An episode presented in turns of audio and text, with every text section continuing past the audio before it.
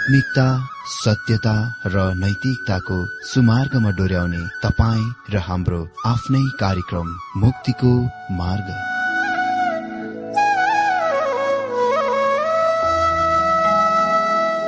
आदरणीय श्रोता यस मुक्तिको मार्ग कार्यक्रममा हार्दिक स्वागत छ। आशा छ यस आत्मिक कार्यक्रमद्वारा जीवनमा आत्मिक आशिष अलौकिक शान्ति र आनन्द प्राप्त गर्नुहुनेछ। र जीवनमा धन्य अनुभव गर्नुहुनेछ। आउनुहोस् श्रोता। मन र आत्माको तयारीको लागि यो मिठो अनि मधुर भजन गीत सुनौ।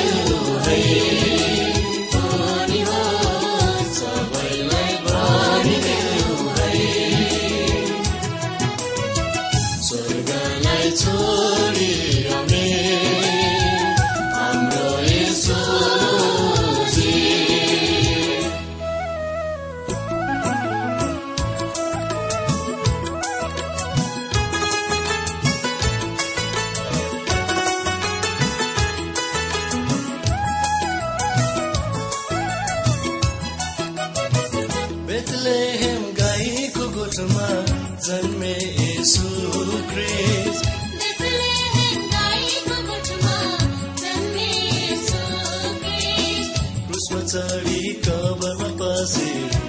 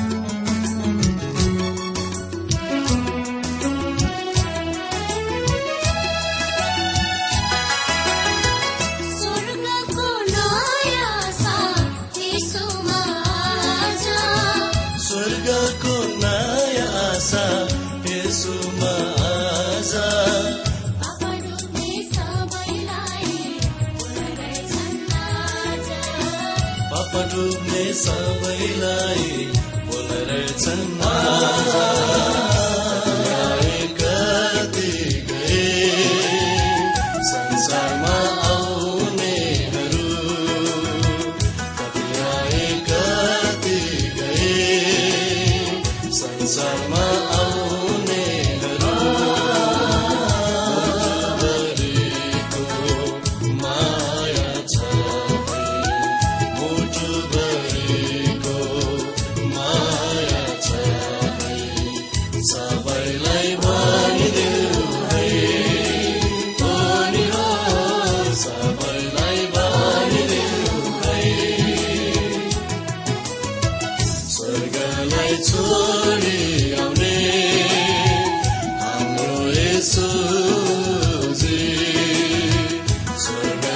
So.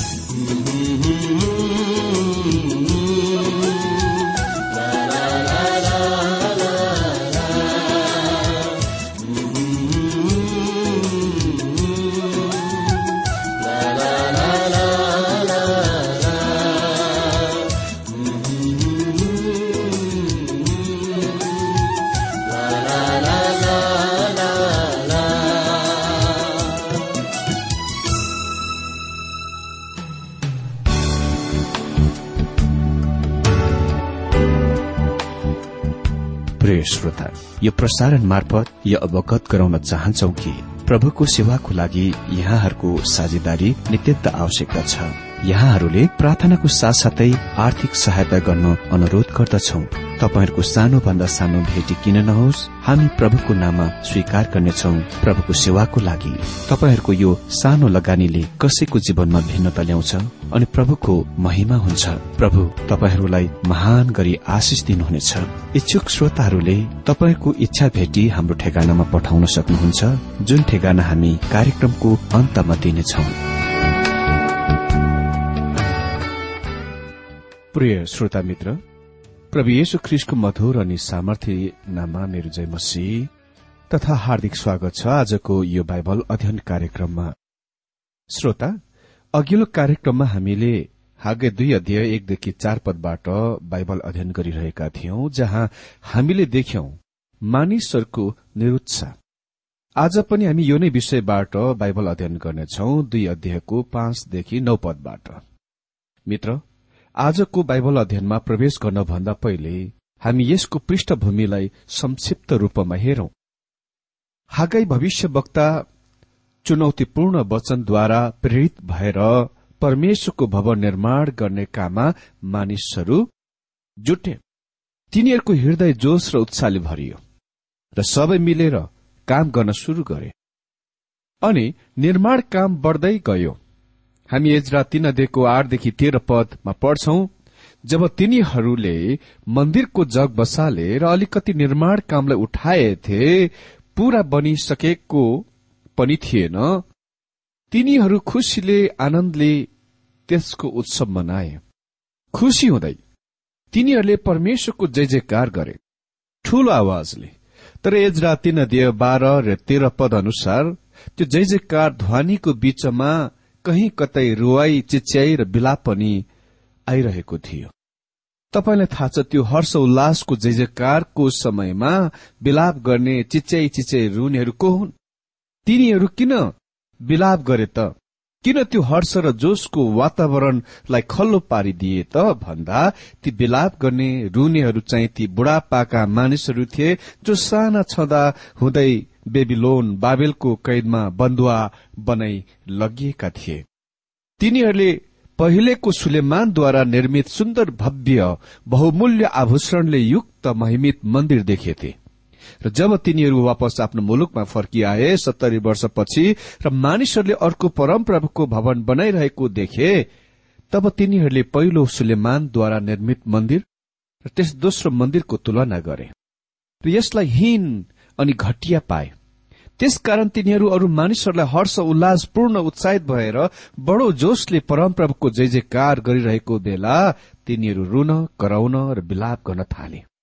तिनीहरूले त्यहाँको जोश र उत्तेजनाको वातावरणलाई बिल्कुलै सेलाइदिए खल्लो पारिदिए र अरू निर्माण काममा लाग्नेहरूलाई पनि निरुत्साहित पारिदिए। त्यसकारण ती बनाउनेहरू तिनीहरूद्वारा अति नै धेरै निरुत्साहित भएकोले गर्दा परमेश्वरले तिनीहरूलाई उत्साह दिनुहुन्छ वा भन्नुहुन्छ हो सुलेमानको पहिलो मन्दिर सुन्दरता वैभव र ऐश्वर्यको दृष्टिकोणले महान थियो। त्यसमा कुनै शक छैन। तर तिमीहरूले यो नसोच कि त्यस्तो महान र सुन्दर भवनमा वा त्यस्तो भवनलाई म मन पराउँछु र म रहन्छु। र तिमीहरूले बनाइरहेको जस्ता कमसल घटिया भवन मनमन पराउँदिन र रहन्न। अह बरु तिमीहरू साहस गर काम गर म तिमीहरूसँग छु। म बिल्कुल तिमीहरूसँग छु।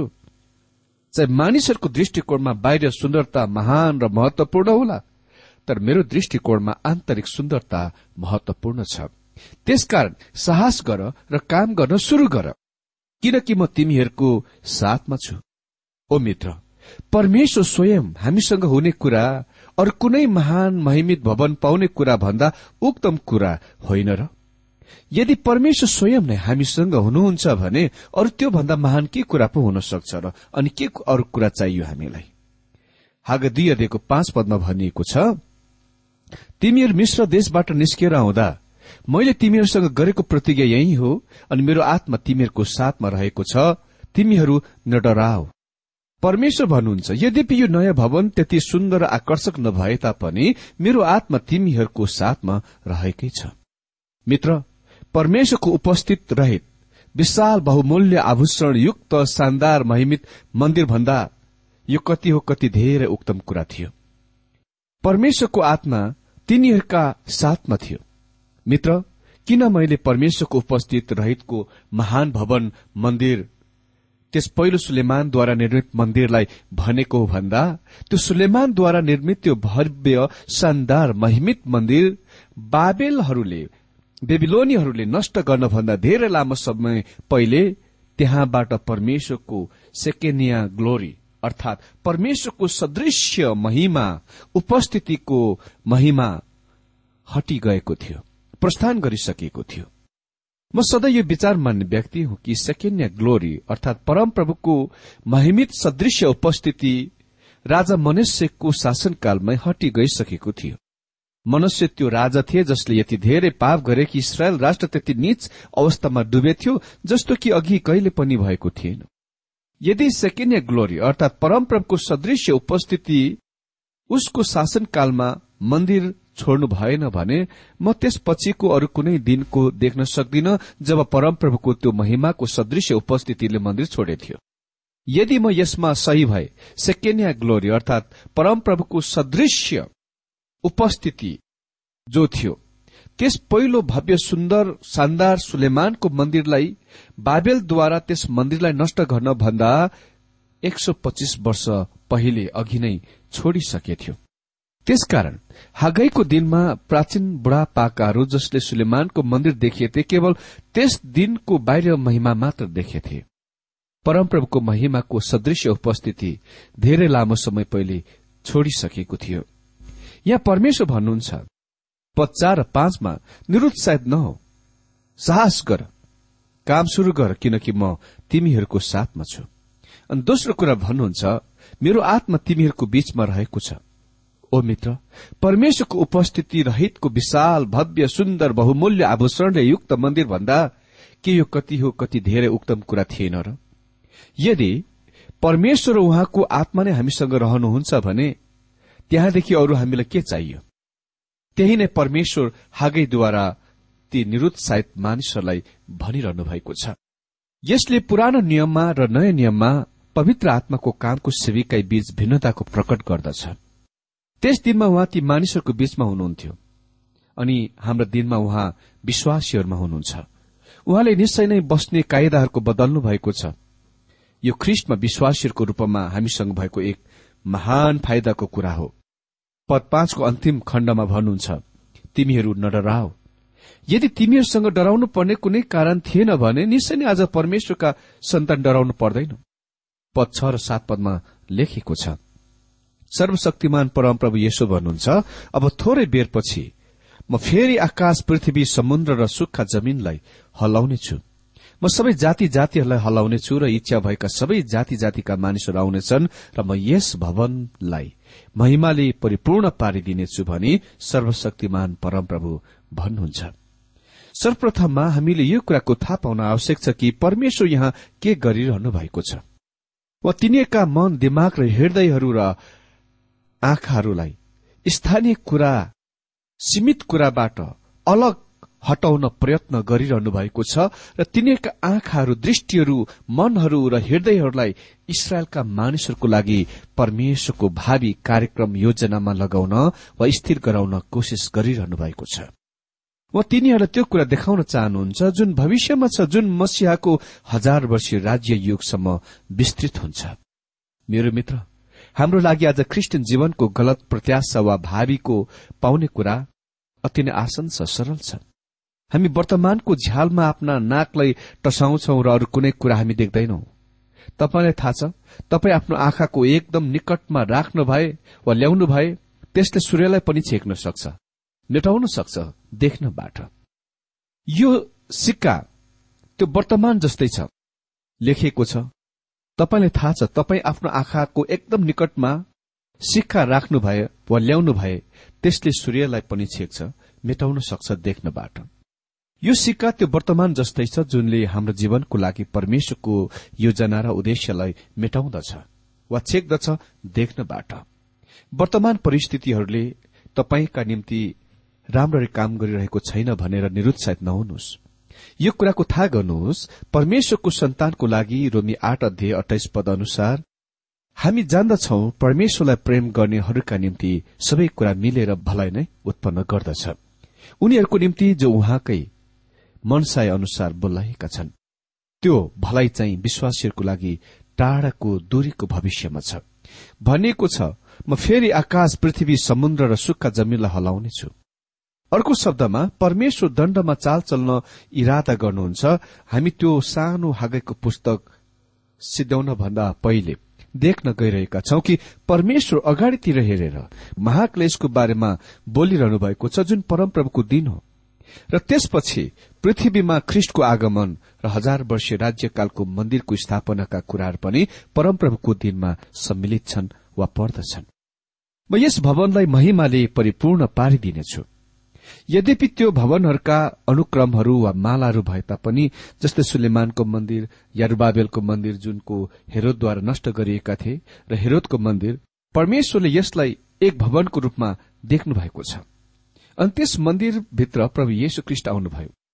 मानव शरीरमा महिमा त्यहाँ थियो। त्यसपछि हेरोदको मन्दिरलाई सत्तरी इस्वी सम्बतमा ताइतस रोमी सम्राटको सेनाहरूद्वारा नष्ट गरियो। त्यसको निर्माण काम पूरा गर्नभन्दा पहिले। त्यो मन्दिर क्षेत्रमा त्यस समयदेखि अहिलेको यो समयसम्म कुनै मन्दिर बनाइएको छैन। वास्तवमा भन्नु नै पर्दा आज त्यहाँ ओमरको मस्जिद उभिएको छ। अनि इस्लामिक संसार त्यसको कहिले पनि हटाउन अनुमति दिने छैन। किनभने यो संसारमा मुस्लिम धर्मलम्बीहरूको निम्ति विश्वमा दोस्रो सबभन्दा पवित्र तीर्थ स्थान हो त्यो स्थान। तर पनि पछिबाट त्यहाँ त्यस समयमा मन्दिर निर्माण हुनेछ जुनलाई महाक्लेशको मन्दिरको रूपमा नाम राखिनेछ। अनि त्यसपछिबाट म हजार वर्षीय राज्यकालको मन्दिर त्यस स्थानमा बनाइएको देख्छु। त्यसकारण यसलाई एउटै भवनको रूपमा हेरेर परमेश्वर भन्नुहुन्छ त्यो दिन आइरहेको छ जब यो भवन महिमाले परिपूर्ण हुनेछ। म विश्वास गर्दछु सेकिनिया ग्लोरी वा परमप्रभुको सदृश्य महिमाको उपस्थित ख्रिससँगै आउनेछ जब उहाँ पृथ्वीमा फर्किआउनुहुनेछ। मती चौबिस अध्ययको तीस पदमा हामी पढ्छौं अनि तब आकाशमा मानिसको पुत्रको चिन्ह देखा पर्नेछ तब पृथ्वीका सबै कुलहरूले विलाप गर्नेहरू अनि तिनीहरूले मानिसका पुत्रलाई बडो सामर्थ्य र महिमासहित आकाशका बादलहरूमा आइरहेको देख्नेछन्। यो पदले स्वर्गीयमा मानिसको पुत्रको चिन्हको बारेमा चिन्हको बारेमा बताउँछ। त्यसपछि तुरन्तै परमप्रभुको महिमाको बताउँछ। म विश्वास गर्दछु कि उहाँको महिमा जुन उहाँको महिमाको सदृश्य उपस्थिति हो त्यस मन्दिरमा देखिनेछ जुनलाई महाक्लेशकालीन मन्दिरको रूपमा नाम राख्छौ। तर जब उहाँ त्यसको ओगट्न आउनुहुन्छ त्यो महाक्लेशकालीन मन्दिर हुने छैन जुन उहाँको विरूद्धमा विद्रोहमा छ। त्यस ख्रिष्ट विरोधीको मूर्ति हुने छैन त्यहाँ तर ख्रिस्ट स्वयं नै त्यहाँ उपस्थिति हुनुहुनेछ। भनिएको छ म सधैँ जाति जातिहरूलाई हल्लाउनेछु आज यो विश्वास गर्न कठिनको कुरा छ कि त्यहाँ कुनै अझ महान हल्लिने वा हलाउने कुराहरू हुनेछन् जस्तो कि भूतकालमा बितेका शताब्दीहरूमा भएको छ। हामीले के वर्ष पहिले मात्रै विश्व शताब्दी पार गरेका छौं। मित्र त्यस शताब्दीमा त्यहाँ पहिलो विश्वयुद्ध भयो त्यो पूरा विश्व हलाउने कुरा थियो। त्यसपछि त्यहाँ एकपछि अर्को पृथ्वी हलाउने घटनाहरू भएका छन्। त्यो विश्वव्यापी विषादहरू थिए। त्यहाँ फेरि दोस्रो विश्वयुद्ध थियो। साथै तेल संकष्टहरू ऊर्जा अभावहरूले सम्पूर्ण राष्ट्रलाई हल्लाएको छ। तर यी सबै कुराहरू भविष्यमा आउने हल्लाइको तुलनामा केही पनि होइन। भनिएको छ र इच्छा भएका सबै जाति जातिका इच्छा आउनेछन्। शुरूदेखि नै टीका टिप्पणीकारहरूबाट भन्नु नै पर्दा वास्तवमा प्राचीन मण्डली पिताहरूले जाति जातिका इच्छा कथनलाई ख्रिष्ट हुन् भनी अर्थ दिएका छन्। अनि यसले मलाई निश्चय नै शुरूदेखि नै डिस्टर्ब गरिदियो किनभने म कहिले पनि विश्वास गर्न सक्दिनथे कि ख्रिष्ट सम्पूर्ण जाति जातिहरूका वा राष्ट्रहरूका इच्छा हुनुहुन्थ्यो। अनि त्यहाँ कोही कोही छन् जसले सम्पूर्ण जाति जातिका इच्छालाई चाहिँ छुटकारा दिनेवालाको लागि सबै राष्ट्रहरू वा जातिहरूको इच्छा हो भनी अर्थ दिन्छन्।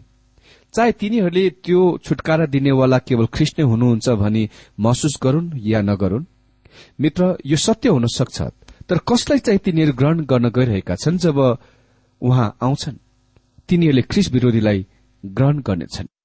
ख्रिस विरोधी विश्वको मसिहा विश्वको उद्धारकर्ता हो र तिनीहरूले त्यसलाई ग्रहण गर्नेछन्।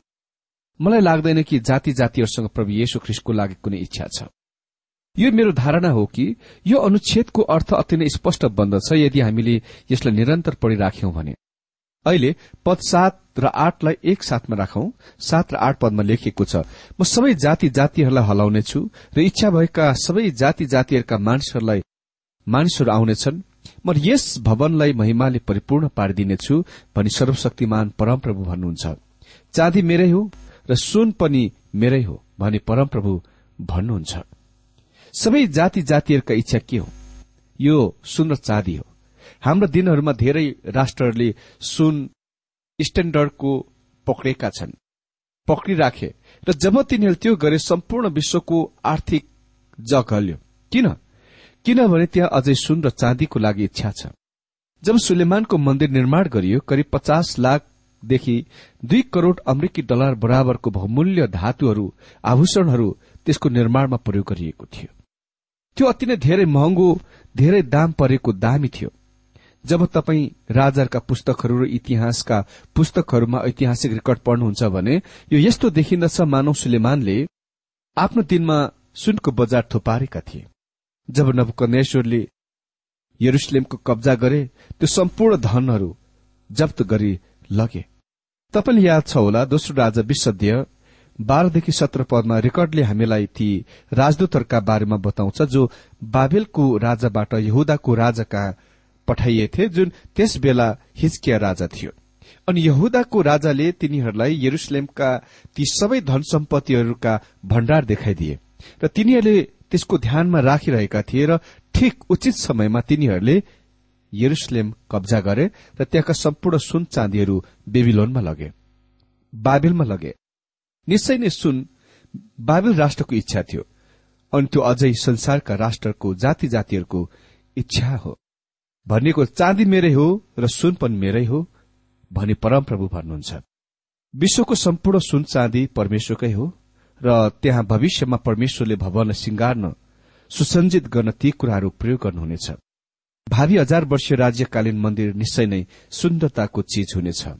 नौपद यस भवनका पछाडिको महिमा अघिको भन्दा अझ बढ्ता हुनेछ भनी सर्वशक्तिमान परमप्रभु भन्नुहुन्छ। अनि यस ठाउँमा म शान्ति प्रदान गर्नेछु।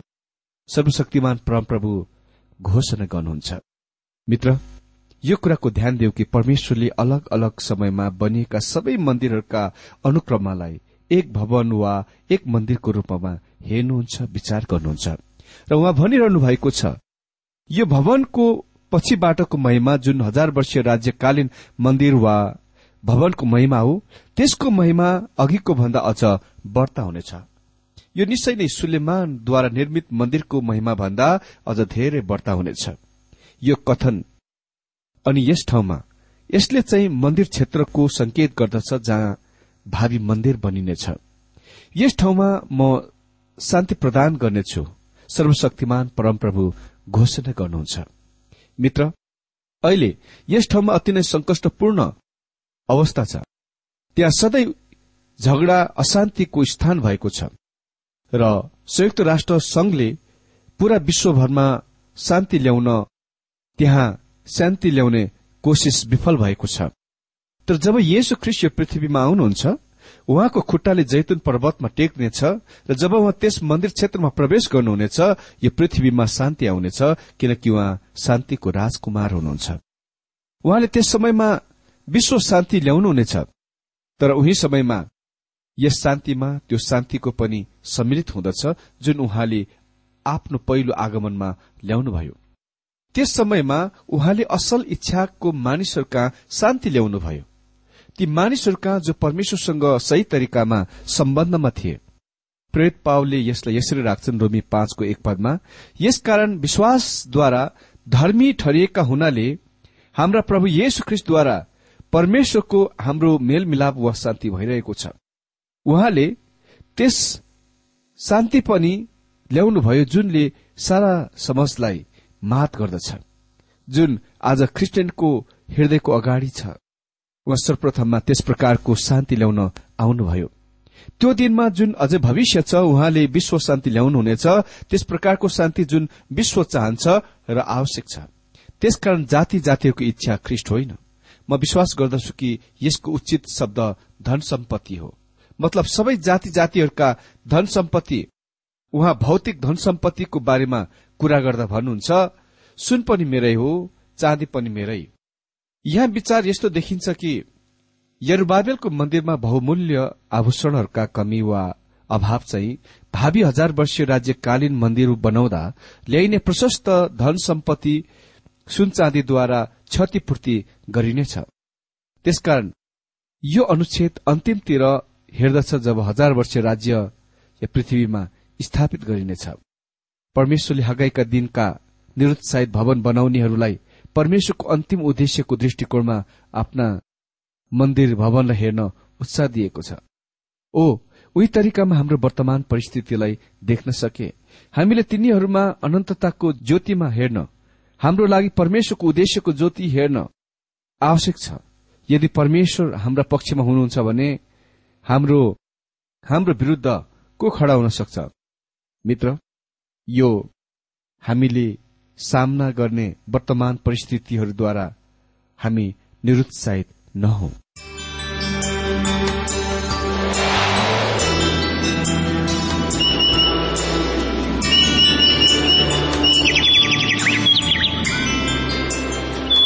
प्रिय श्रोता अहिले भर्खरै तपाईँले टीडब्ल्यूआर नेपालद्वारा सञ्चालित आत्मिक कार्यक्रम मुक्तिको मार्ग सुनिरहनु भएको थियो। श्रोता आजको यो कार्यक्रम सुनेर तपाईँलाई कस्तो लाग्यो? यदि यो कार्यक्रम सुनेर मनमा कुनै खुल्दुली वा कुनै प्रतिक्रिया अर्थात सुझावहरू छन् भने हामीलाई पत्रद्वारा लेख्न सक्नुहुनेछ। हामी हृदयदेखि नै स्वागत गर्नेछौ स्वीकार गर्नेछौ साथै बाइबल सम्बन्धित प्रचारहरू कार्यक्रम सारणीहरू हामी अनुरोधमा पठाउन सक्छौ। अनि तपाईँसँग कुनै प्रार्थनाको विषय छन् भने हामीले तपाईँको लागि प्रार्थना गरेको चाहनुहुन्छ। चाहनुहुन्छ भने प्रभुमा आफ्नै परिवार सम्झेर हामीलाई पत्रमा लेख्न सक्नुहुनेछ। तपाईँको लागि हामी प्रभु येशुसँग प्रार्थना गर्नेछौ। अधिक जानकारी र पत्रचारको लागि हाम्रो ठेगाना यस प्रकार छ।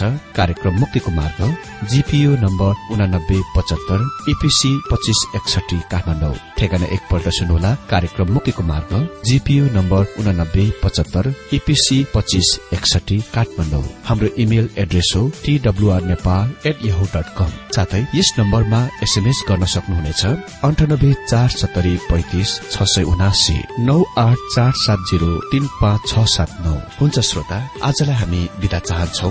अर्को कार्यक्रममा हामी पुनः भेट्नेछौ तबसम्मलाई नमस्कार।